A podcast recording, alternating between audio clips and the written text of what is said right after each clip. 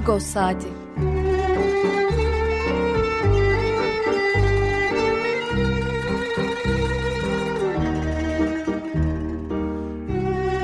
Haftalık Agos gazetesinin penceresinden Türkiye ve Dünya gündemi.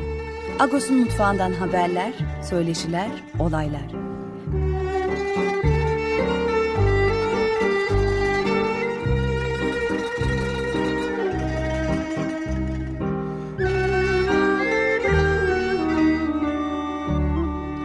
Radyo Agos. Bohçuyum, Sürevi Radyo Umgıntraznes. Ava siktatsiyal şapat ormune, yev şapat aravot, kereçik baycar aravot, mektarsiyal ıskısank merak şapatman, hagortumin Radyo Agosi jamov. Günaydın sevgili Açık Radyo dinleyicileri. Aydınlık, güzel bir cumartesi sabahına güzel, mutlu, neşeli, neşe veren, içimizi ısıtan bir parçayla başladık. Şarkılarımız içimizi, içimizi ısıtsın diye yazılıyorlar. Ama bu şarkıları dinlememize de engeller getiriliyor. Ee, bu hafta en çok konuşulan meselelerden biri oldu bu. Radyo Agos saatinde biz de parçalarımızı özellikle bu son haftalarda, iki haftadan, üç haftadan beri mütemadiyen konserleri yasaklanan sanatçılardan seçtik. Geçen hafta da aynı şeyi yapmıştık. Geçen hafta Aynur Doğan parçası dinlemiştik. Metin Kemal Kahraman dinlemiştik. Bu hafta da gene aynı minvalde gideceğiz. Çünkü yasaklanan sanatçı sayısı günden güne artıyor. Yasaklanan konser sayısı, engellenen konser sayısı günden güne artıyor. Hangi akla hizmet ediliyor, ne yapılmaya çalışılıyor? İşte bu sorunun cevabı da hiç net değil. Hiç kimse bu soruya mutlak bir cevap veremiyor ama belli ki organize bir şekilde bir noktadan sanki düğmeye basılmışçasına bir kampanyaya dönüştü. Önce valilerin, kaymakamların etkinlik yasaklamalarına tanık olduk. Ee, Eskişehir'de Anadolu Fest yasaklandı. Ee, Orta Doğu Teknik Üniversitesi'nin bu sene 34.sünü gerçekleştireceği Bahar Şenliği yasaklandı. Bir yerde bir vali kararı, bir yerde bir kaymakam, bir yerde bir rektör kararı e, mütemadiyen konserler yasaklanıyor. En son duyduğumuz e, Ara Malikyan'ın Ankara'da vereceği konser de iptal edildi. Ara Malikyan bir keman sanatçısı, Lübnan doğumlu bir Ermeni, Beyrutlu bir Ermeni. Dünyaca ünlü bir ıstar. Daha önce de Türkiye'ye geldi, konserler verdi. Onun sahne şovu oldukça hareketli bir şov, coşkulu bir şov izleyicileri etkileyen bir sanatçı. E, şimdi de hem İstanbul'da zorlu e, performans sahnesinde hem e, Ankara'da konser olacaktı. E, dünden beri televizyonlar altyazı geçiyorlar. Ankara konseri iptal oldu diye. İstanbul ne olacak henüz belli değil.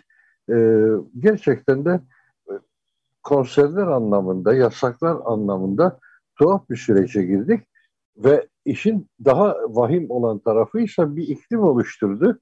Şimdi önüne gelen sağcı, gerici, e, dinci e, çevre gözüne kestirdiği sanatçı için e, başladı şikayet mektupları yazmaya organizasyonlara.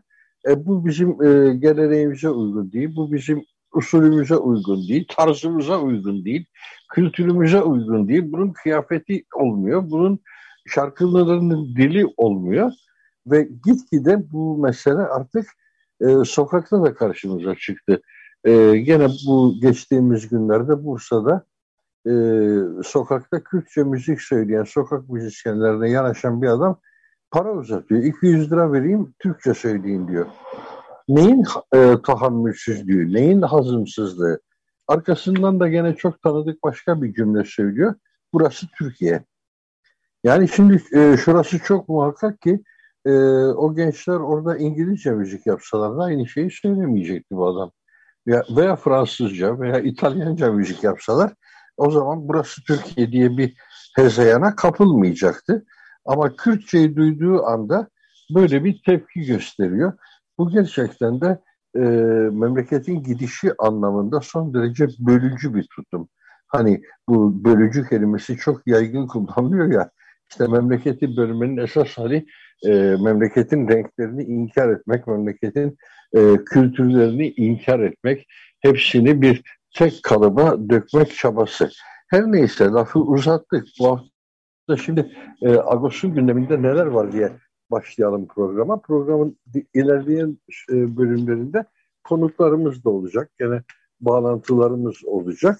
E, onlarla da görüşeceğiz ama e, bu hafta e, Yetvat e, şehir dışında, İstanbul dışında e, bir etkinliğe katılmak üzere İstanbul dışında. O yüzden e, programın sunuculuğu bu hafta gene bende.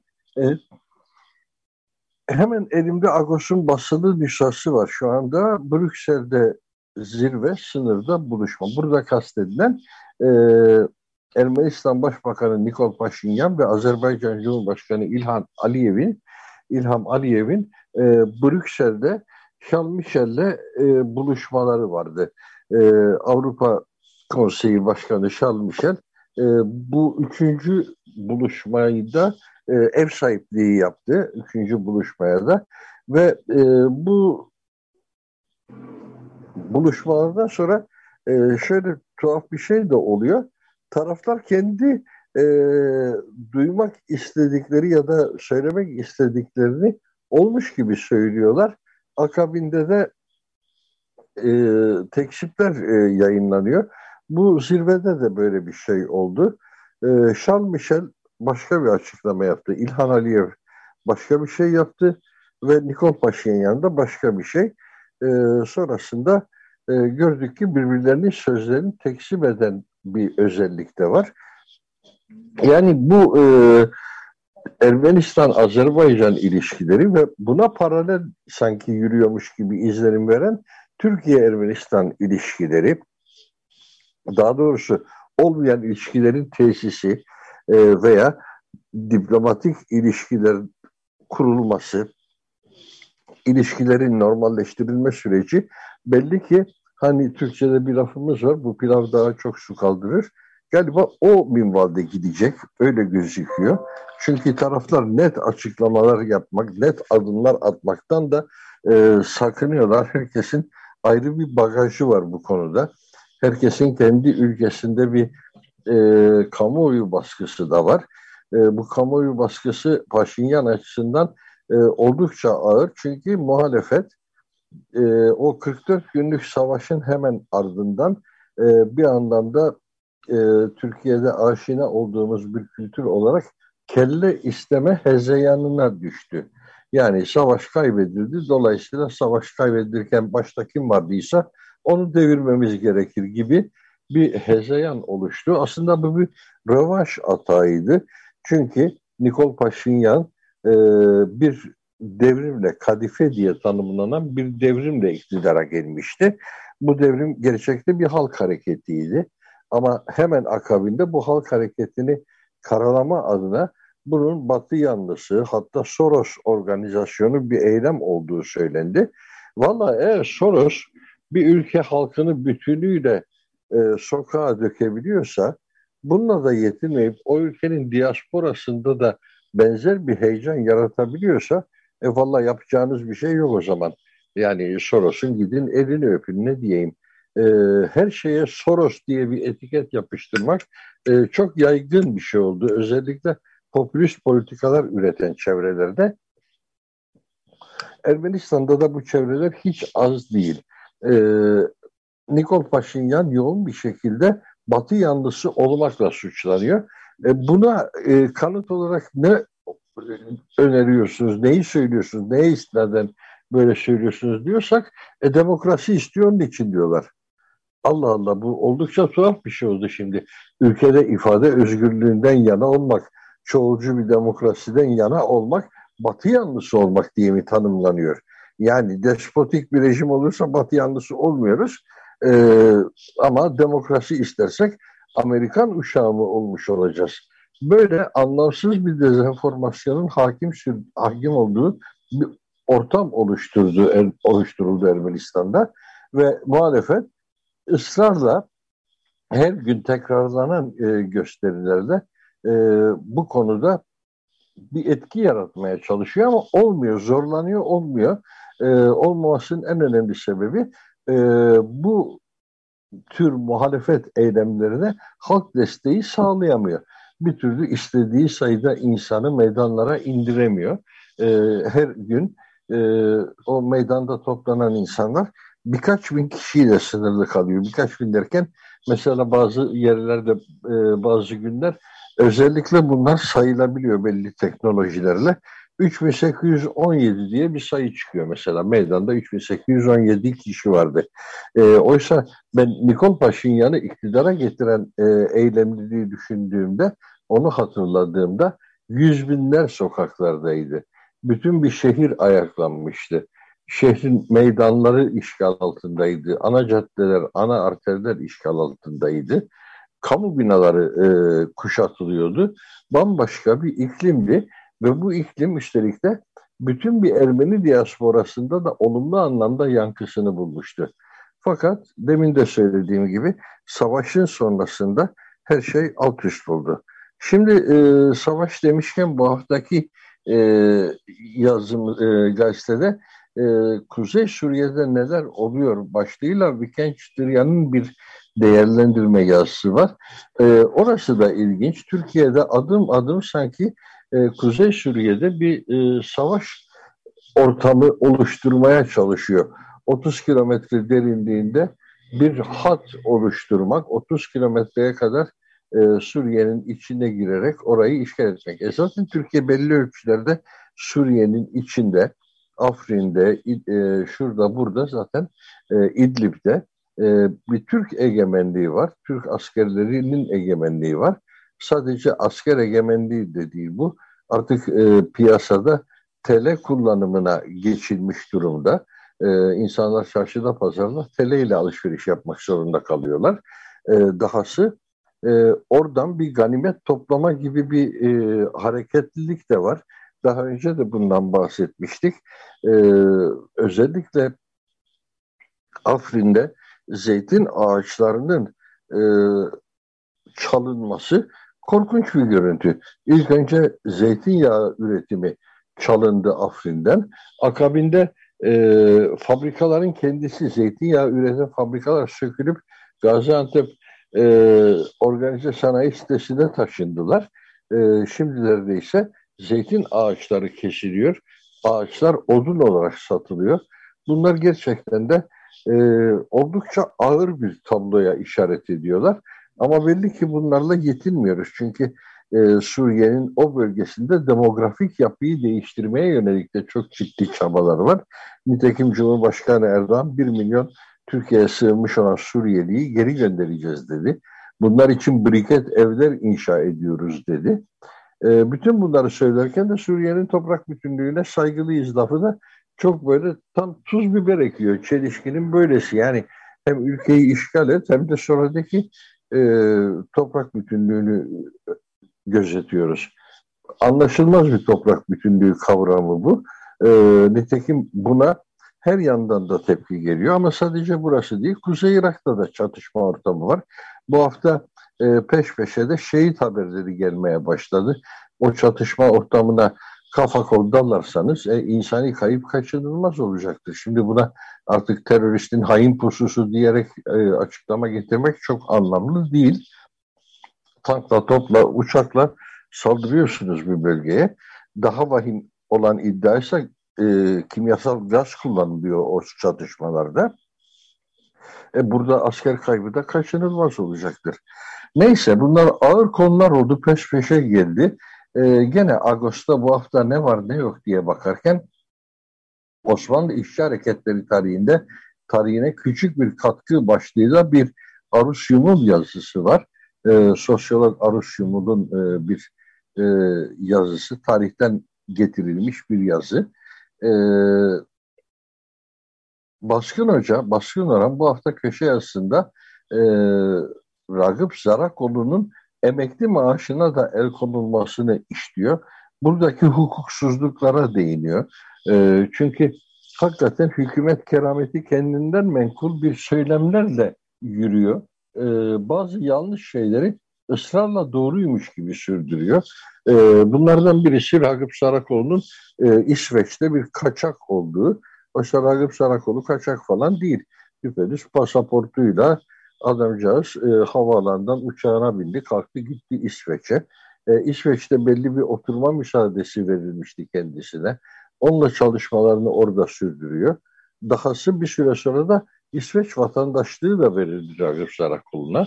E, şimdi ise Türkiye orada teröristler var diyor. Bir liste hazırlamış. O listenin içerisinde Ragıp Sarakol da var. İade edin bunu diyor. Bu arada görüldü ki o listenin içerisinde birkaç yıl önce hayatını kaybetmiş insanlar da var. Ve bu insanların hayatını kaybetmiş olduğu Türkiye'de farklı makamlarda biliniyor. Ama bütün bunlar bilindiği halde her ne hikmetse yokmuş gibi davranılıyor. Ee, bu hafta Ağustos'ta çok da geniş e, görmediğimiz, biraz yüzeysel gördüğümüz e, bir konuysa e, Kemal Kılıçdaroğlu'nun çıkışlarıydı. Bunlar da çok konuşuldu. Kemal Kılıçdaroğlu önce bir Asad baskınıyla e, ses getirdi. Sonrasında da e, Amerika'ya kaçma planı, para transferi, kaçma yatırımı e, gibi bir başlıkla bir kez daha e, gündem oluşturdu. E, bunlar da bu haftanın ilginç e, meseleleriydi. E, gazetede Manuel Çıtak'ın sevgisi İslomanya'dan bahsediliyor. E, İslomanya kelimesi ada korkusu e, diye tanımlanıyor. Aslında korku demek de çok belki doğru değil ama adaya özgü bir ruh hali, e, yalıtılmışlık hali e, bu temayla da bir fotoğraf sergisi e, söz konusu olan. Üstelik e, Manuel Çıtak de, çok deneyimli, emektar bir fotoğrafçı. Yıllardan beri profesyonel olarak fotoğrafçılık yapıyor ama onun fotoğrafçılığı daha çok belgesel fotoğrafçılık mahiyetindeydi ve siyah beyaz fotoğrafları tercih ediyordu. Oysa İslamanya sergisi onun üslubunda da bir başka açılım, bir başka pencere, bir başka yönelime işaret ediyor. E, buna dair bir haber var. E, Verşan'ın e, tabloları Yerevan'da sergilendi. Bunun haberi var. E, ve e, Agos her zamanki gibi e, dolu dolu bir sayıyla e, karşımızda. Geçtiğimiz hafta Ermenice sayfalarda yazdığımız bir e, yazı vardı. Sevan Değirmenciyan e, imzasıyla. Türk-Ermeni ilişkilerine 1931 yılından bir bakış başlığıyla e, bu hafta o e, aslı Ermenice olan yazı zaten e, tercüme edilmiş olarak Türkiye'de oku, Türkçe okuyan okurda da paylaşılıyor. E, bu yazının içeriğinde e, Ermeni şiirinin önemli isimlerinden biri Vahan Tekeyan 1931 yılında Kahire'deki e, Arev yani Güneş adlı gazetede 6 gün peş peşe yayınlanan bir makale ile Türk-Ermeni ilişkileri konusunda biraz da özeleştirel bir yaklaşımda, e, analitik bir yaklaşımda e, değerlendirmelerde bulunuyor. İşte o değerlendirmelerden yapılan bir özet, Sevan Değirmenciyan tarafından yapılan bir özetti bu. Tam sayfa bir yazı. E, bu hafta e, o da e, gazetede yerini aldı. Şimdi e, konu biraz benimle ilgili olduğu için konuşmaktan çekindiğim bir konu da Agos'un arka sayfası. E, Pakrat, e, Baron Pakrat ve Fes'i düşürmemek başlığıyla e, İşhan Erdinç'in Elif Atalay'la ve benle yaptığı bir röportaj. Bu da tam sayfa. E, bu röportajın e, sebebi yeni yayınlanmış olan Fes'i Düşürmeden adlı kitap. Aslında bu bir anlatı kitabı. Elif Atalay'la e, yaptığımız nehir söyleşi kıvamında e, bir söyleşi kitabı iletişim yayınlarından e, Mayıs ayının başlarında e, onun falan o tarihlerde e, piyasaya çıktı.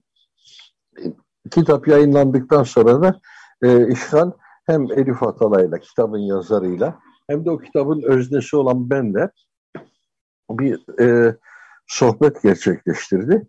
İşte o e, sohbette Agos'un bu haftaki arka sayfasında yer alıyor. E, biraz sonra e, telefon bağlantılarımız olacak. E, ilk telefon e, bağlantılarımız e, Ferit Demirel'le olacak. Ferit Demirel e, çok ilginç bir e, çalışma yaptı. E, kısa bir müzik arası verelim. Müzik arasından sonra Ferit Demirel'le bağlantımızı gerçekleştiririz ve o ilginç konuyu artık detaylarıyla kendisiyle konuşuruz. Dolayısıyla şimdi gene kısa bir müzik arası, gene engellenen müzisyenlerden bir örnekle. Radyo Agos. Evet sevgili Açık Radyo dinleyicileri yayınımıza kaldığımız yerden devam ediyoruz. Şu anda e, konuğumuz Sayın Ferit Demirel'le de bağlantımızı gerçekleştirdik. E, hattımızın öbür ucunda da Ferit Bey var. Merhaba, hoş geldiniz Ferit Bey yayınımıza, programımıza. Merhabalar, hoş bulduk. Teşekkür ederim. E, Ferit Bey, bu hafta sizle çok ilginç bir konu konuşacağız. Aslında bu konu e, ilk karşılaştığım andan beri bende bir sürü çağrışımlara yol açtı. E, siz 1931 yılında Ermenistan'da yayınlanmış bir seçkiyi Kiril harfleriyle, Kürtçe diliyle yayınlanmış bir seçkiyi e, diline dokunmadan alfabesini değiştirerek e, Latin harfleriyle Kürtçe okura kazandırdınız. E, biraz bu çalışmadan bahseder misiniz? Ben biliyorum ama dinleyicilerimiz için e, neydi bu kitabın içeriği? Neler var bu kitapta? Evet. E, şimdi aslında e, ben bir süredir e, Sovyet Cumhuriyetlerinde e, hem Erme özellikle Ermenistan'da ve diğer yerlerde yayınlanmış olan e, edebi e, yazınsal eser, eserlerle ilgili e, bir meraktan dolayı çalışmaya başlamıştım. E, son birkaç yıldır da bunları Kiril alfabesini e, okuma e, becermiş olmamdan kaynaklı. O eserleri okuyup e, acaba içinde ne var, neler işlenmiş, nasıl e, konular ele alınmış ve e, bağlamı nedir gibi konularla ilgili bir e, şey mera, meraka yöneldim ve bu merak sonucunda da bazı e, açık kaynaklar üzerinde kimi e, kitaplara, kimi eserlere ulaşabildim. E, bunlar internet ortamında zaten PDF formatında yayınlanmış eserler. Şunu söyleyebilirim, 1900 e, ya Ekim devrimi sonrasında Sovyet Cumhuriyetlerinde e, yaşayan halkların e, sosyalist e, fikirle tanışabilmesi için çeşitli çalışmalar yapılmış. E, kısa geçeceğim burayı çünkü biraz uzun bir e, konu bu aslında. Daha belki e, uzunca bahsetmek gerekecek ama yayının e, süresi sınırlı olduğu için çok kısa geçeceğim. E, bu dönemde Kürtler içinde kimi çalışmalar yapılmış. Okullar açılmış, e, Riyad Teze yani Yeni Yol adında bir e, gazete çıkarılmış, e, Erivan Radyosu'nun Kürtçe e, sesi oluşturulmuş ve daha birçok şey yapılmış. Bunlar arasında bu çalışmalardan çalışmaların bir kısmı da işte e, eğitim görebilecek, okullarda Kürtçe eğitim göre, görebilecek seviyede kitaplar hazırlanmış. Bu kitaplardan bir tanesi de e, Ermenis, e, Sovyet Ermenistan'ı öyküleri adıyla. Ermenistan zaten kitaplar neredeyse hepsi e, Ermenistan hükümeti yayınları olarak yayınlanmış. Bu kitapta o, o kitaplardan bir tanesi 1930'larda hazırlanmış. Hacıye Cindi yani o dönemin Kürt aydınlarından Hacıye Cindi, e, Emine Evdal ve Cerdo Genco tarafından hazırlanmış bir kitap. İçerisinde sadece e, öyküler yoktu aslında. Hem öyküler hem de e, şiirler vardı. Yani Ermeni yazarların öykülerinin ve şiirlerinin olduğu bir kitaptı bu. E, bu bahsettiğim üç isim Hacıye Cindi, Cerdoye Gönco ve Emine Evdal bu kitapları Ermenice'den e, Kiril alfabesine, o dönem kullanılan Kiril alfabesine yani Kürtçe'ye çevirip ve Kiril alfabesi olarak yayınlamışlar. Ben de ilginç buldum açıkçası bu kitabı ve e, günümüze kazandırmak istedim. Aslında şunu da teslim etmek gerekiyor. Benim yaptığım bir aracılık, ben bir aracıyım, e, bir aktarıcıyım aslında. Asıl e, işi bu bahsettiğim üç isim ve tabii ki e, öyküleri yaza, yazan e, Ermeni yazarlar e, yapmış oldu. Benim yaptığım sadece bir e, aracılık görevi. O yüzden e, belki de e, kendi adıma da onlara şükranlarımı e, iletmem gerekiyor.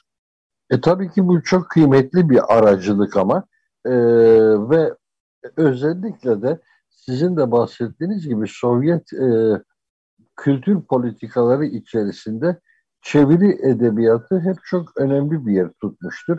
Buradaki amaç zaten özellikle Sovyet halkları arasında bir iletişim kanalı oluşturmaktır. E, bu tam da Sovyetler Birliği'nin ideolojik ihtiyaçlarına cevap veren bir politika gibi gözüküyor zaten. E, o bağlamda da çok ciddi çeviri edebiyatı olmuştur. Ben de hatırlıyorum ki mesela Cengiz Aytmatov'un Beyaz Gemi adlı romanı henüz e, Türkçe'ye tercüme edilmemişken ben onu bir edebiyat dergisinde Ermenice olarak okuma imkanı bulmuştum.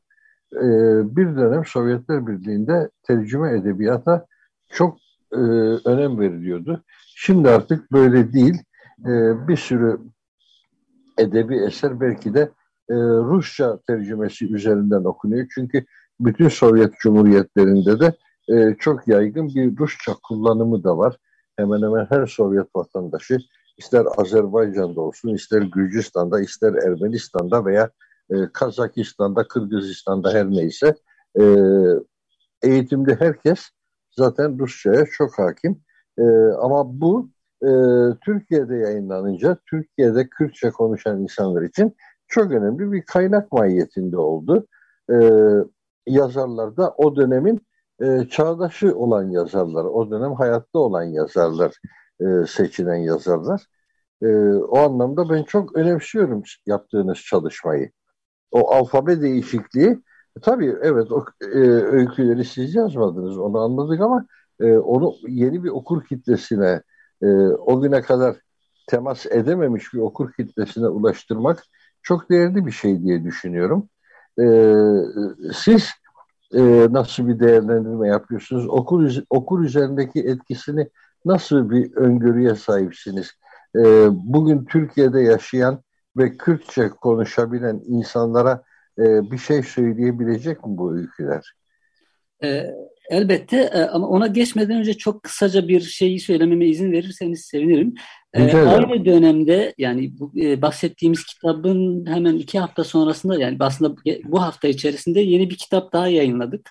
O da yine aynı e, perspektifle hazırlanmış ve bu yalnız bu kitabın içerisinde ilk kitap yani Ermeni yazarların öykülerinin e, kitabından farklı olarak sadece Ermeni yazarların değil, Kürt yazarlarının ve Rus yazarlarının da öyküleri var. O da e, ilk kitabımız yani az önce konuş, üzerinde konuştuğumuz kitap Cervantes yayınlarından yayınlandı. Diğeri Sor yayınlarından yayınlandı. İkinci kitabında şöyle bir özelliği var. Belki de ilk kez e, yani o dönem yapılmış olmasına rağmen ilk kez e, Latin alfabesiyle Maxim Gorki'nin Tolstoy, Tolstoy'un gerçi yayınlanan kitapları vardı ama ya da Çehov'un e, ve Turgenev'in öyküleri Kürtçe'ye, e, Lat, Latin alfabesinde bir Kürtçe'ye yayınlanmış olacak. Onun da öyle bir özelliği var. Yani her iki kitap aslında benim için bir şans oldu. Aynı döneme denk geldi. E, birbirini tamamlayan iki kitaptı ve o, o yüzden e, önemli görüyorum bunu. Bahs sorduğunuz soruya gelirsek aslında son yıllarda Sovyet döneminde yayınlanmış olan Kürtçe, Kiril, e, Kiril alfabesiyle yayınlanmış olan Kürtçe eserlere ciddi bir e, ilgi ve merak var.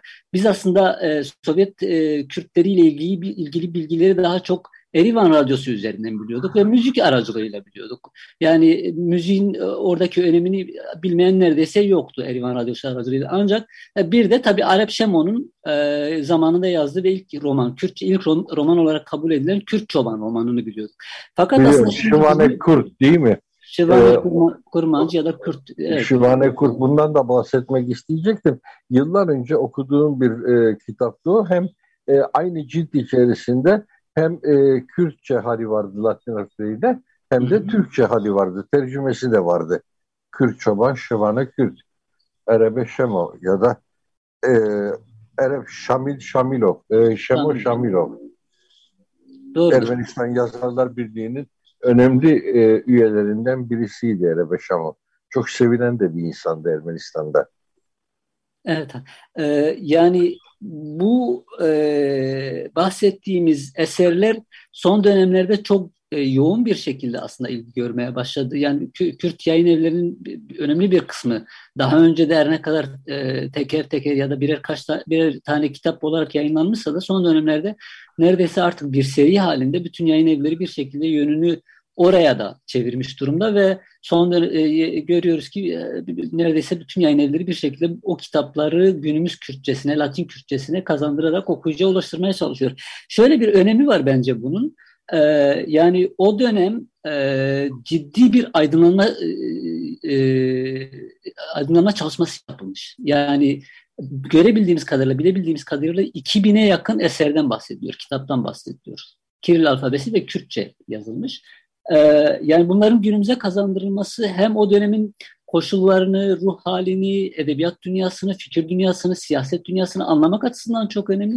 Hem de e, yani uzun süredir Türkiye'de yasaklı ol, olan, halen de aslında ciddi sıkıntılar e, yaşayan Kürtçenin e, ta o zamanlardan e, Sovyet Cumhuriyetleri ya da Sovyet yönetimi eliyle ne kadar önemli bir e, çalışmaya vesile olduğunu görmüş olacağız. Yani bence o açıdan e, elbette e, Kürtçenin e, eğitim dili olmamasından ve yeterince bir okuyucu kitlesinin olmamasından kaynaklı kimi sıkıntılar olacaktır. Yalnız bence ilgiyi görecektir ve insanlar e, o dönem yazılmış öyküleri, e, tiyatro eserlerini, e, şiirleri merakla e, okuyacaklardır diye düşünüyorum.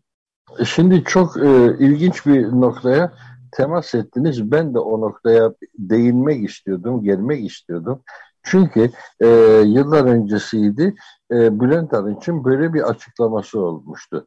E, Kürtçe bir kültür dili değildir, eğitim dili olamaz. E, böyle bir açıklama olmuştu. Bu çabalar tam da işte bu e, sözleri e, tersine çevirmeye matuf e, işler gibi geliyor bana. Bilmiyorum katılır mısınız buna? Mehmet Uzun'un romanlarını Türkçe'ye Türkçe olarak yazmaya başlaması ve şimdi Latin harfleriyle Türkçenin Türkiye'deki Kürtçe bilen, Kırmanç bilen insanlara ulaşılabilir olması bu anlamda e, bambaşka e, şeyler de söylüyor galiba bize. Ne dersiniz bu konuda? Elbette yani halen e, sokaklarda şarkı söyleyen, Kürtçe şarkı söyleyen insanların e, kolluk eliyle ya da e, yerel yönetimlere bağlı zabıtalar eliyle engellendiği, Kürtçe konserlerin yasaklandığı e, bir dönemde ya günümüzde bile bundan bahsediyorken daha öncesini düşündüğümüzde yani bu çalışmaların Sovyet e, Cumhuriyetleri eliyle e, yapılmış olması ve e, Kürtçe olarak yapılmış olması bence çok önemli. E, yani insanlar o günkü şartlarda ka, kasetler, Kürtçe kasetler yasak olduğu için gizlice dinleyebiliyorken e, Erivan Radyosu'nda e, ulus aşırı e, Erivan sınırlarının dışına çıkan, Sovyetlerin sınırlarının dışına çıkan bir yayıncılıkla aslında Kürt, Kürtçenin sesi duyuruluyordu. Bu bir bilinç oluşmasına da yol açtı aslında Kürtlerde. Yani basit bir e, radyo yayıncılığı olarak değerlendiremeyiz. E, Türkiye'deki yasak durumundan kaynaklı onun yaratmış olduğu etki çok fazla. Şimdi bu kitapların da ee, dediğiniz gibi aslında çok önemli bir e, yere tekabül ettiğini düşünüyorum. Yani edebiyat dili olamaz, bilim dili olamaz, Kürtçe yazın dili olamaz gibi Türkiye'deki bu e, faşizan ve ırkçı şoven e, kafa yapısını etkileyebilmek açısından önemli e, çalışmalar bunlar. Yani o dönemde yapılan çalışmalara bakıyoruz. Sadece öyküler yazılmamış, sadece şiirler yazılmamış. E, bilimsel çalışmalar yapılmış bununla ilgili. Matematikle ilgili çalışmalar yapılmış, fizikle ilgili çalışmalar yapılmış. Yani bu açıdan bence dediğiniz nokta çok önemli. E, bunun günümüz Kürtçesine, Latin Kürtçesine kazandırılmasıyla e, elbette e, bunun dışında da yapılan çalışmalar var ama ta e, geçmişten gelen bir bilgi birikiminin olduğu ve bunun önemli bir yere tekabül ettiğini göstermiş ol, o, olacağı açısından bence bu şeyler, bu kitaplar, bu kaynaklar çok önemlidir. Ee, çok haklısınız. Buna bütünüyle katılıyorum gerçekten de. Ve bu arada ben e, geçtiğimiz yıllarda e, özellikle de Diyarbakır'ı merkez alarak e, Kürdider gibi e, derneklerin e, dilin geliştirilmesi üzerine yaptığı çalışmaları hatırlamaya çalışıyorum bir yandan da. E, bir kısmına benim de katıldığım çalışmalar olmuştu onlar ve e, mesela e, sözcük dağarcığında eksik olan kelimeleri tamamlamak için kalabalık bir e, aydınlar, eğitmenler, öğretmenler grubu e, 3-4 gün e, bir odaya kapanıp harıl harıl alternatif Kürtçe sözcükler üretmişlerdi. E, bütün bunlar e, dilin e, büyük bir sıçrama yapması için çok önemli e, araçlar gibi ger, e, görünüyor. Biz şimdi bazen e, haber bültenlerini izlerken de mesela Kürtçe konuşan insanların, Kırmanç konuşan insanların e, Kürtçe konuşurken birçok Türkçe sözcük e, kullanmaya e, ihtiyaç duyduklarına tanık oluyoruz ekranda. E, sanırım o çalışma işte bu alternatif sözcükleri e, üretme çalışması. O da 150 yıl kadar önce Ermenice'nin başına gelen bir sürecin bugün yaşanmakta olduğunu e, işaret ediyor sanki. Ve o anlamda da çok heyecan verici geliyor bana. Yani e, evet konuşma diliyle sınırlı kalmış bir dilin e, özgün edebiyat üretmekte e, gidişata ayak uyduramamış bir dilin şimdi e, gelişen anlayışlara paralel olarak büyük bir sıçrama yapma çabası son derece heyecan verici gibi gözüküyor. Bilmiyorum evet, buna ne e, eklemek istersiniz? E, şunu söyleyebilirim aslında bu çalışmalarda belki de e, bahsettiğim o Kürt yazarlara ek, e, ek olarak e, kimi Ermeni aydınlara, yazarlara da e, değinmek ve haklarını teslim etmek gerekiyor. Çünkü o dönemde e, oluşturulan çalışmalarda ciddi anlamda yer almışlardır. Yani e, tabii günümüze ulaşan kimisi e, şeyler de var. Mesela Aram Tigran'ı biliyoruz, Karapete Haço'yu biliyoruz. Bu bunlar da e, Ermeni halkının e, içinde Ermeni halkından insanlar ama Kürtçe'ye hizmet etmiş olanlar. Şimdi o dönemde aynı şey şeyin olduğunu görüyoruz. Mesela kimi isimler var. E, Kürtçenin o dönem yaygınlaşabilmesi için, eğitim dilinin oturtulabilmesi için okullarda kendileri de çalışma yürütmüşler. Yani Kürtçe bildikleri için bu işleri yürütmüşler. Yine e, e, e, Kürt aydın ve yazarlarla birlikte kimi inisiyatifler oluşturmuşlar, kimi çalışmaların içi, içerisinde yer almışlar. Bu kitapların içerisinde onları da görüyoruz. Zaten bir tane kitap başlı başına onlardan oluşuyor ama diğer kitapta da önemli oranda bu isimleri görebiliyoruz. Ben birkaçını söylemek istiyorum izin verirseniz. Ee, yani Tumanyan'dan bahsetmek gerekiyor, Şah, e, Şahbazyan'dan bahsetmek gerekiyor, Şirvanzade'den bahsetmek gerekiyor, Zeba, e, Yaseyan'dan bahsetmek gerekiyor, Zabel Yaseyan'dan bahsetmek hı hı. gerekiyor. Bunların her biri aslında önemli çalışmalar yapmışlar ve bu e, Kürtçe'ye kazandırılan bu çalışmalarla birlikte biz bunları artık Kürtçe'de okuyabileceğiz. Sadece Ermenice'de, Ermenice değil Kürtçe'de okuyabileceğiz. E, o açıdan e, her iki halkın e, kültürel alışverişi açısından da önemli bir nokta aslında bu yani yıl, yüzyıllardır, bin yıllardır aynı topraklarda komşu komşuluk ilişkileri geliştirmiş olan ilişkileri bir şekilde e, devam eden bu iki halkın e, yazarlarının, aydınlarının böyle birbirleriyle iletişim halinde olması ve bunun e, bugün işte bir şekilde Latin alfabesiyle Kürtçe olarak okuyucuya ulaşmasını da ben açıkçası kendi açımdan çok önemsiyorum. E, o zaman eğer katılırsanız işin bu tarafında e, Sovyet siyasetini, Sovyet ideolojisini göz önünde bulundurmamız gerekiyor. Çünkü Türkiye'de de biz bunu bir türlü sağlayamadık. E, şimdi yeni yeni mesela Aras Yayıncılık e, Ermeni yazarların eserlerini Türkçe'ye çeviriyor ve e, okur da bunlarla karşılaştığında hakikaten zenginleşiyor, hakikaten yeni keşifler olmuş oluyor okuyucu için. Bugün bir Zaben Biberyan ismi, biraz önce sizin de andığınız Zabel Esayan e, ismi artık Türkiye Türkçe okuyan okur içinde e, tanınan isimler oldular ve bu bir kazanım oldu. E, ama Sovyetler Birliği'nde zaten e, ülkenin kuruluş ideolojisi olarak halkların dostluğu kavramı vardı. E, bu sonuç vermedi ne yazık ki. Ben sonuç vermediğini Sovyetler Birliği dağıldıktan sonra e, milliyetçi hezeyanlarla görebiliyorum. Her yerde birbirine karşı yoğun nefret var. Kimse kimseyle barışık değil ama Sovyet yönetiminde e, Ermenistanlı şairler, yazarlar Bakü'yü ziyaret ediyorlardı. Bakülü e, yazarlar Yerevan'ı ziyaret ediyorlardı. E, Yerevan Konservatuvarı'nda eğitim gören bir sürü Azeri müzisyen vardı ve bunlar arasında zaten başka türlüsü e, fiilen suçtu o ülkelerde. Hani e, halklar arasında nefret söylemi e, fiilen suçtu. E, ama belli ki insanlar onu içselleştirmişler.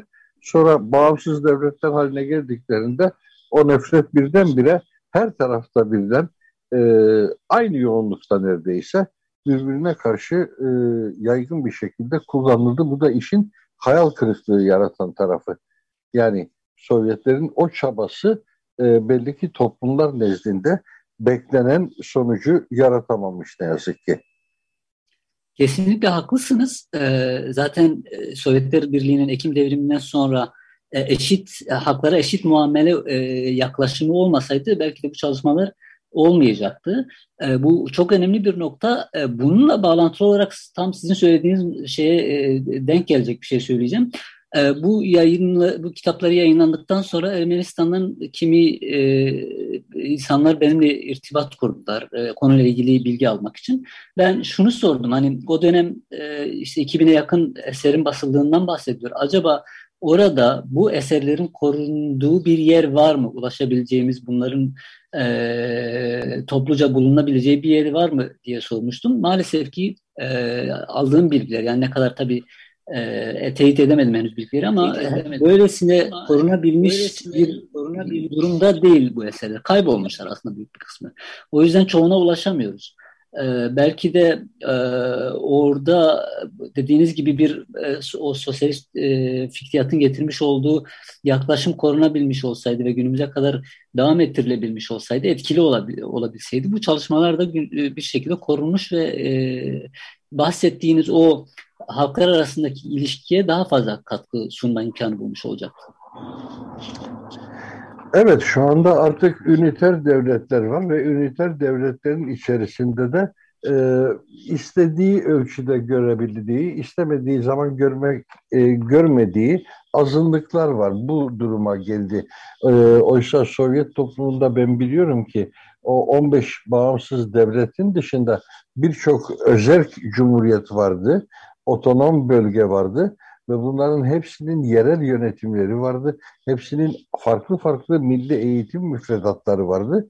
E, 200 bin kişinin konuştuğu bir dilin bile korunması için e, Merkezi Sovyet e, hükümeti büyük maddi kaynaklar yaratıyordu. Onun kaybolmaması için, o dilin muhafaza edilmesi için. E, bugün artık o üniter devletlerde, ulus devletlerde bu hassasiyetlere bu oranda rastlamamız mümkün değil. Ee, ilginç bir söyleşi oldu. Ee, çok teşekkür ediyorum programa katıldığınız için e, Ferit Bey. E, son söz gene sizin olsun. E, sizin de bu bölümü kapatmış olalım. Gene bir müzik arası, gene yasaklı müziklerden bir örnekle programımıza devam edelim.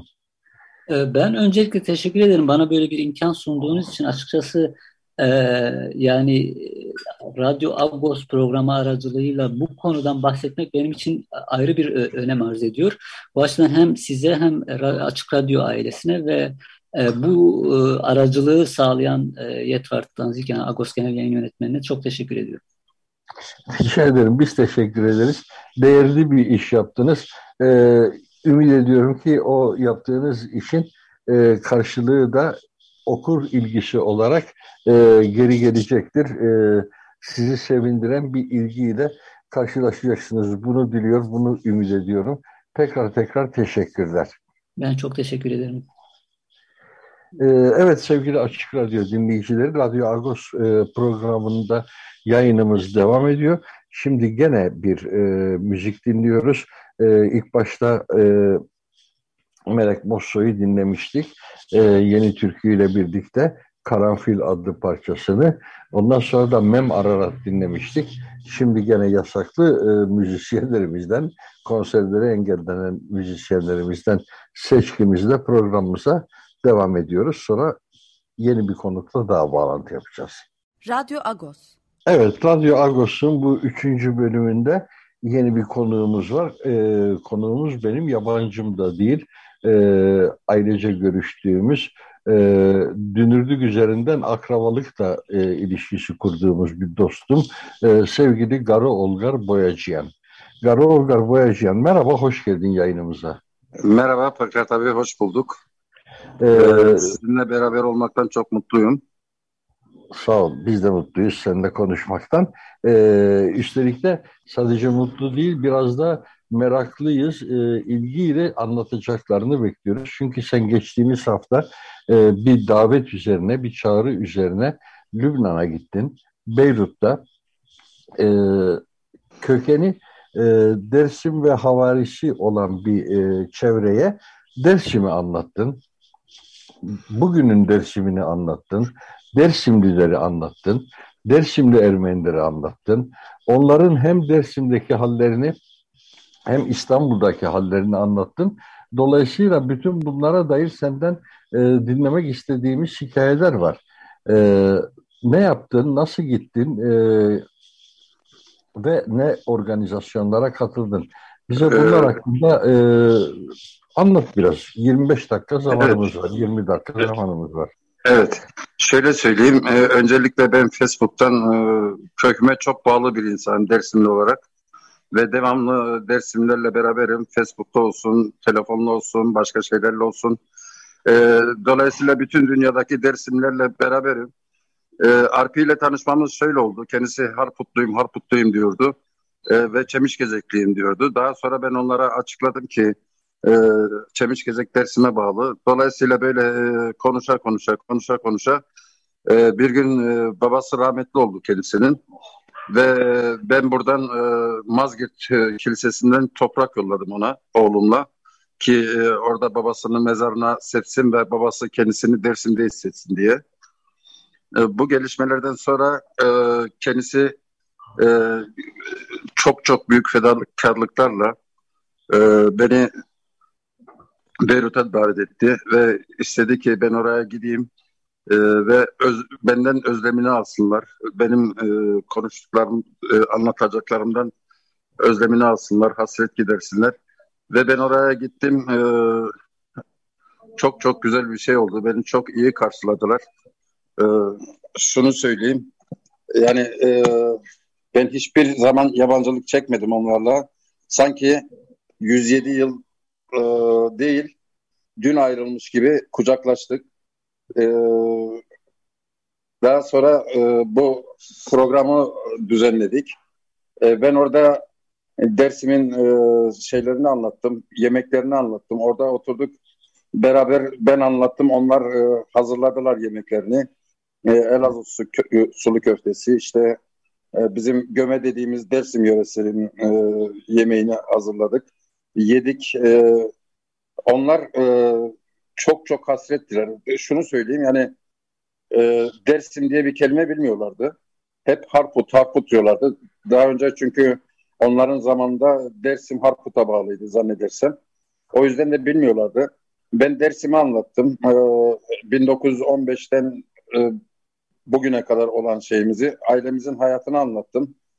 Ee, ve beni e, ayakta alkışladılar. Daha sonra e, bu kokteyl denilen şeyde biz içki vermedik. Bizim gömeği paylaştık. Yemeğimizi, Dersim yöresel yemeğimizi. Ve çok çok beğendiler. Ee, daha sonra Mazgirt'ten götürdüğüm e, toprağı böyle küçük küçük saksılara koyarak her birine ikişer e, kaşık Dersim'in toprağından, Dersim'in kilisesinin toprağından ekleyerek bütün gelen herkese birer saksı dağıttılar. Ee, bu bir özlemdi. Yani e, kucaklaşmak için hani Pakrat abi senin de dediğin gibi kaybolmuştu, bulundu. E, gitmişti, geri geldi. Bunu biz yaşadık beraber. E, çok büyük bir özlemle beni kucakladılar her yönden. E, yani Arpi ablanın dediği gibi sen buraya geldin bize Dersim'in tozundan bir şey getirdin. Dersim'in kayasından, taşından, toprağından bir şeyler getirdin. Ee, biz de bunu kendi içimize çektik. Bizim içer, içerimizde de e, bir şeyler değiştirdin. Bir yeşillik diktin dedi bizim içimize. Ee, aynı şekilde ben de öyle inanıyorum. Ee, ve şunu söyleyeyim. E, inanın yani Beyrut'taki Ermeni halkı e, çok çok e, cana yakın e, özlemle bizi anıyorlar, bizi bekliyorlar. E, biz de onları bekliyoruz ki e, burada e, gelsinler bir Dersim'in havasını alsınlar. Ben de giderken zaten Munzur'un suyundan bir damla ve Dersim'den bir nefes götürdüm onlara. Öyle söyleyeyim. Çok güzel. Ee, Garo şimdi sen bunları anlatırken bunların çok değerli şeyler olduğunu düşünüyorum bir yandan. Çünkü e, çok uzun yıllardan beri e, olsun Lübnan'da olsun e, başka diaspora merkezlerinde e, Türkiye'deki Ermeni varlığı hakkında hiçbir algı yok. E, evet. Tam tersine genel bir kabul var. 1915'ten sonra her şey bitmiştir. Artık evet, Türkiye'de bütün kapılar Ermeni, kapanmış. O evet, Ermeni yaşamı bir, bir ifade var. Hı hı. Türkiye'de bir Ermeni yaşamı yokmuş gibi bir algı var. O yüzden senin bu ziyaretin o insanlarda çok anlamlı bir tanıklık oldu. E, bilhassa da sen kendi aile hikayeni anlattığında bu çok e, anlamlı bir şey. Ben onu hissediyorum. Yani e, Türkiye'den 1915 ile birlikte ayrılan insanlar ondan sonra Türkiye'de ne yaşanmış, neler olmuş, 1938'de neler olmuş, e, resmi tarihte Dersim isyanı diye bahsedilen şey, bastırılan Dersim isyanı gerçekte nedir? E, bir isyan mı vardı yoksa bütünüyle bir bölgeyi e, ehlileştirme çabası mıydı? Biat ettirme çabası mıydı? E, bunlar Ermenilerin gündemine hiç gelmedi. E, o sürgünler yaşandı Dersim'den. Senin ailen de sürgün edildi. Benim bacanağım da e, ki senin ailenin bir parçasıdır. E, onun üzerinden de ben bir sürü hikaye biliyorum. E, onlar da Kütahya'ya sürgün edilmişlerdi. Ve 8-10 yıl sürdü bu sürgünlükler. Mecburi iskan kanunu diye bir şey çıkartıldı. E, diaspora Ermenilerinin bunlardan hiçbir haberi yok. Türkiye'de Ermeniler olduğu, bunların 38'e kadar mesela Dersim coğrafyasında kimliklerini korudukları ama 38'den sonra sürgün edildikleri yerlerde zorla Müslümanlaştırıldıkları, onlardan e, büyük bir çoğunluğunun daha sonra tekrar kendi Ermeni kimliğine geri döndüğü, e, İstanbul'a gelebilenlerin Ermeni okullarına e, gittikleri gibi bilgiler diasporada yok ve o yüzden de senin bütün bu anlatımların e, ben eminim ki orada çok e, ilgi çekici olmuştur. Evet, evet. Bir keşif olmuştur. Ee, şunu söyleyeceğim, bu bununla kalmayacak. Bir daha sizi davet edeceğiz buraya. E, tabii ki, tabii ki. Çünkü e, dediğim gibi yeni bir alan açıldı. Biz bunu e, 2009 yılındaydı sanırım e, Hrant Dink Vakfı Müslümanlaştırılmış Ermeniler Konferansı'nı düzenlediğinde Türkiye'de Ermeniler nezdinde de İstanbul'da yaşayan Ermeniler nezdinde de e, gördük. Orada da e, artık hiç Ermeni kalmadığı gibi bir kanaat vardı Anadolu'da. Ama o konferans vesilesiyle görüldü ki bir sürü yerde halen Ermeni izleri var ve bu insanlar e, kaybolmuş falan da değiller. Oldukları yerde duruyorlar. E, arada tabii kaybolanlar var e, gönüllü olarak artık hayatını başka bir kimlikle sürdürmek isteyenler var. Onlara Bunları saygı duyuyoruz. Için. Onlara saygı duyarız tabii. E, ona söyleyecek bir şey yok. Bunlara Dersim'de de rastlanabilir. Dersim'de Kızılbaş Alevi inancı içerisinde e, gönüllü olarak asimile olmuşlardır. Başka yerde Sünni Müslüman olarak asimile olmuşlardır. Evet, evet. Alevi olarak asimile olmuşlardır. E, ve onlar eğer kendi konumlarını böyle de muhafaza ediyorlarsa e, buna sadece saygı duyarız. Mesele değil. Ama bir sürü yerde yok biz Ermeniyiz diyor. E, Ermenice bilmiyorsun. Evet bilmiyoruz diyor. Ermenice konuşmuyoruz. E, dedem konuşurdu ama ben bilmiyorum diyor. Ninem konuşurdu ama e, ben bilmiyorum diyor. İşte bunlar da şimdi kurulan temaslar tabii ki çok anlamlı oluyor. E, fakat abi istersen şöyle kısa bir e, özgeçmişimi anlatayım ben. Anlat evet. E, orada insanlara anlattığını ee, kısaca burada şimdi, radyoyu dinleyenlere de paylaşalım. Şimdi benim e, dedem e, Dersim Sıvcuk köyünden. İsmi e, Haçik. E, lakap olarak Boyacıgil ama sonradan Boyacıyan olarak değiş şey olmuştur. Yenilenmiştir. E, bunu Avrupa'daki e, bazı kitaplarda da var. Boyacıyan olarak geçiyor. E, benim e, bu 1915 yılında e, dedem e, o şeyde kalabalıkta hani e, kimi çocuğunu arıyor bulamıyor, kimi bırakıyor gidiyor falan. E, benim e, dedemin yani babamın sulalesinden hiç kimse kalmadı. Bir tek babam kalmış Dersim Savcılık'ta. Ve İsmail Çavuş diye bir Alevi babam diyeceğim. Çünkü biz onların sayesinde varız. Biz onlar, ee, babam geliyor ve benim babamı 7-8 yaşlarındayken köyüne geliyor. Diyor ki atıyla hiç Ermeni çocuk kalmış mı burada? Ama erkek ama kız ben onları alıp büyüteceğim. Ha şunu da söyleyeyim. Ee, Dersim'de Ermeniler çok çok zengindi. Küçümsemek amacıyla demiyorum. Aleviler de yanında çalışanlardı. Ne zaman ki 1915 başladı e, Ermeni aileler şöyle dedi. Kendi çocukları 2 yaşında, 3 yaşında, 5 yaşında çocuklarını Alevilere emanet ettiler. Dediler ki bu size toprağımız, bu da size evimiz, bu da size çocuğumuz. Bu çocuklar e, şeyi sonu olmayan bir yolculuğa çıkıyoruz biz. Bu çocuklar ama hastalıktan, ama kıtlıktan, ama başka bir şeyden mutlaka ölecekler biz biliyoruz. Biz çocuklarımızı size emanet ediyoruz. Toprağımız, evimiz de sizin olsun. Eğer dönersek biz çocuklarımızı, emanetimizi geri alacağız. Eğer dönmezsek bizim çocuklarımızı büyütün, onlar hiç olmasa yaşasın deyip bırakıp gittiler. Ve e, babam yalnız sucukta kaldı 8 yaşında. Bu İsmail Çavuş geldi e, sordu işte babam için dediler ki vallahi bir tane var e, bir görünüyor bir kayboluyor gidiyor ölülerin arasında bir şeyler arıyor gidiyor e, evlerde yemek buluyor yiyor. Bulun getirin diyor bana. Buluyorlar alıyorlar alıyor şey e, İsmail Çavuş dedem diyeceğim. E, kendi köyüne Mukun diye götürüyor Mazgirt Mukun diye. Orada e, kendi e, Koren olan babamın ismini anlaşılmasın diye Hıdır koyuyor. Ve Dersim'de iki tane Hıdır var. Birisi L Hıdır diye anılıyor. Birisi de Dıga Hıdır diye anılıyor. Bunların ikisi de Ermeni. Daha sonra ben onlarla ilişkiye geçtim ve bana şunu anlattılar. Senin baban haftanın iki günü kayboluyordu ve iki gün sonra ağlaya ağlaya geri geliyordu. Yani babam yürüyerek kendi köyüne gidiyor, kendi akrabalarını arıyor, bulamayınca ağlaya ağlaya geri geliyor. Ve bunu babama çobanlık da öğretmişti kendisi. O diğer Hıdır da çobandı. Bunlar e, davarlarını birleştirip türkü söyleyip beraber ağlı, ağlıyorlarmış.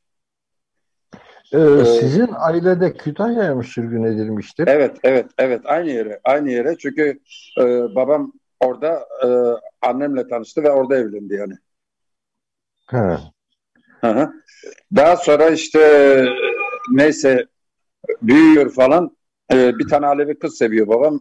Adam diyor ki yok diyor sen Ermenisin diyor. Ermeni ile evleneceksin. Ve tutuyor annesi yaşındaki birisiyle dul kadınla evlendiriyor. Yani Agub abinin yayası.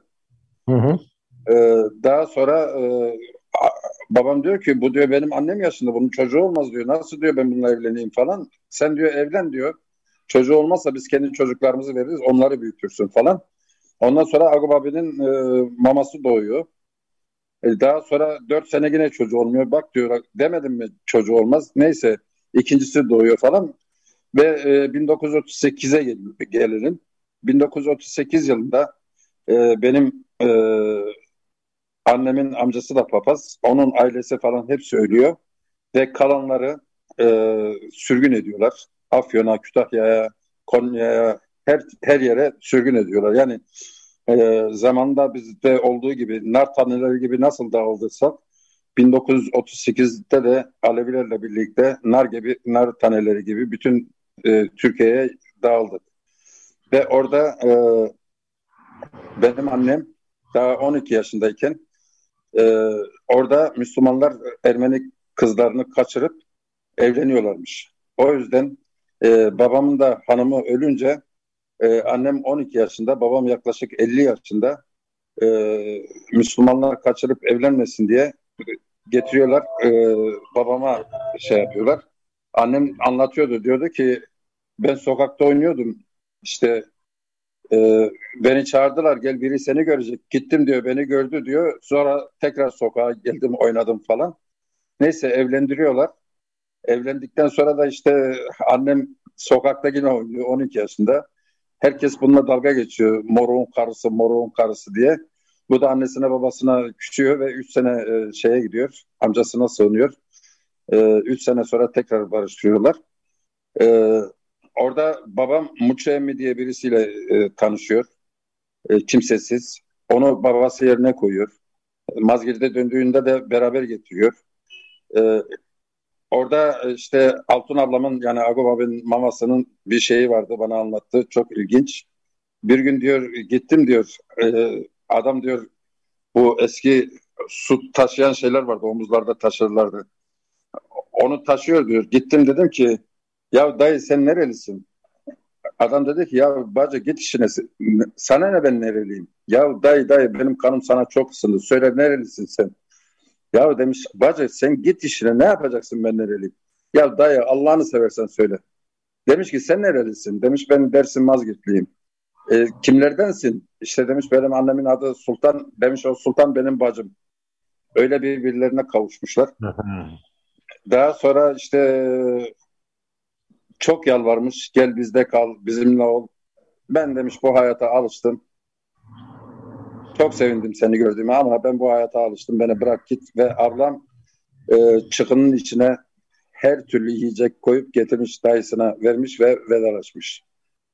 Daha sonra işte Mazgir'de 1947 yılında af çıktı ve Mazgir'de geri döndüler. Yaklaşık 10 aile. Bunların içinde Kivra Mardo dediğimiz kişi vardı. O e, hayların şeydi, e, temsilcisi diyeyim. Çünkü bütün her şeyi o biliyordu. İşte e, Zununtu, Zadi ne zaman olduğunu işte Zadik döneminde e, alırlardı, kırlara giderlerdi. Orada e, kurbanlar keserlerdi. E, beraber oturup yerlerdi. Ve 1960 yılına kadar zannedersem bizim Mazgirt'teki kilise e, kullanılıyordu. Ha şunu da söyleyeyim. E, biz e, evet nüfus olarak Müslümandık ama hiçbir zaman İslamlık yapmadık. Bunu kötülemek amacıyla da söylemiyorum. Biz neysek oyuz. E, düşünün ki e, Elazığ'dan Dersim'e e, gizli olarak e, papazlar gelirdi. Bütün e, düğünleri e, yani bısakları şeyde yaparlardı, evde yaparlardı. Evet. E, ve e, kunukları evde yaparlardı. Gezici papaz diyelim, öyle diyelim yani. Hı hı. E, benim daha Mazgirt'teyken üç kardeşim e, bu vesileyle e, şey olmuştu, vaftiz olmuştu. Oldu. Evet. Peki Nagaro, e, çok ilginç hikayeler anlattın. Bunlar aslında ilginç, ilginç olduğu kadar da yaygın bir sürü yerden e, benzer hikayelere ne kadar çok rastlayabiliriz. Bir yandan da seni dinlerken bunu düşünüyordum. E, çok teşekkür ediyoruz programa katıldığın ve bunları bizimle paylaştığın için. Ben teşekkür ediyorum. Pekala. Evet. Ee, sevgili Radyo Agos dinleyicileri Açık Radyo stüdyosundan yayınımız devam ediyor. Şimdi gene bir müzik arası vereceğiz ama daha önceden tasarlamadığımız bir şeyi ben şimdi e, yayında bize yardımcı olan Berhem'den rica edeceğim. E, eğer zamanımız varsa bir Ara Malikyan ezgisi de çalabilir miyiz? E, programın başında bahsetmiştim Ara Malikyan'ın da e, Ankara konseri gerçekleşmeyecek ne yazık ki. Dün akşam itibariyle bu alt yazı olarak geçti. E, ondan da bir müzik çalabilirsek e, programı bununla kapatalım. Bununla size veda edelim. Ee, önümüzdeki hafta yeni bir programda görüşmek üzere. Her şey gönlünüzce olsun efendim.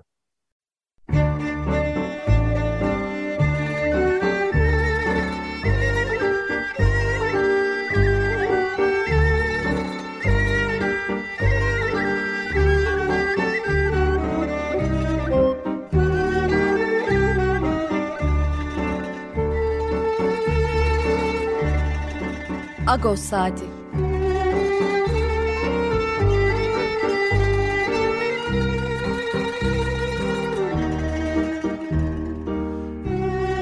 Haftalık Agos gazetesinin penceresinden Türkiye ve dünya gündemi.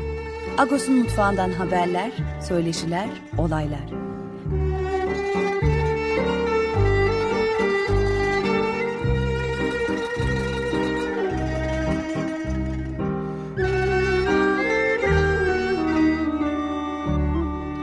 Radyo Agos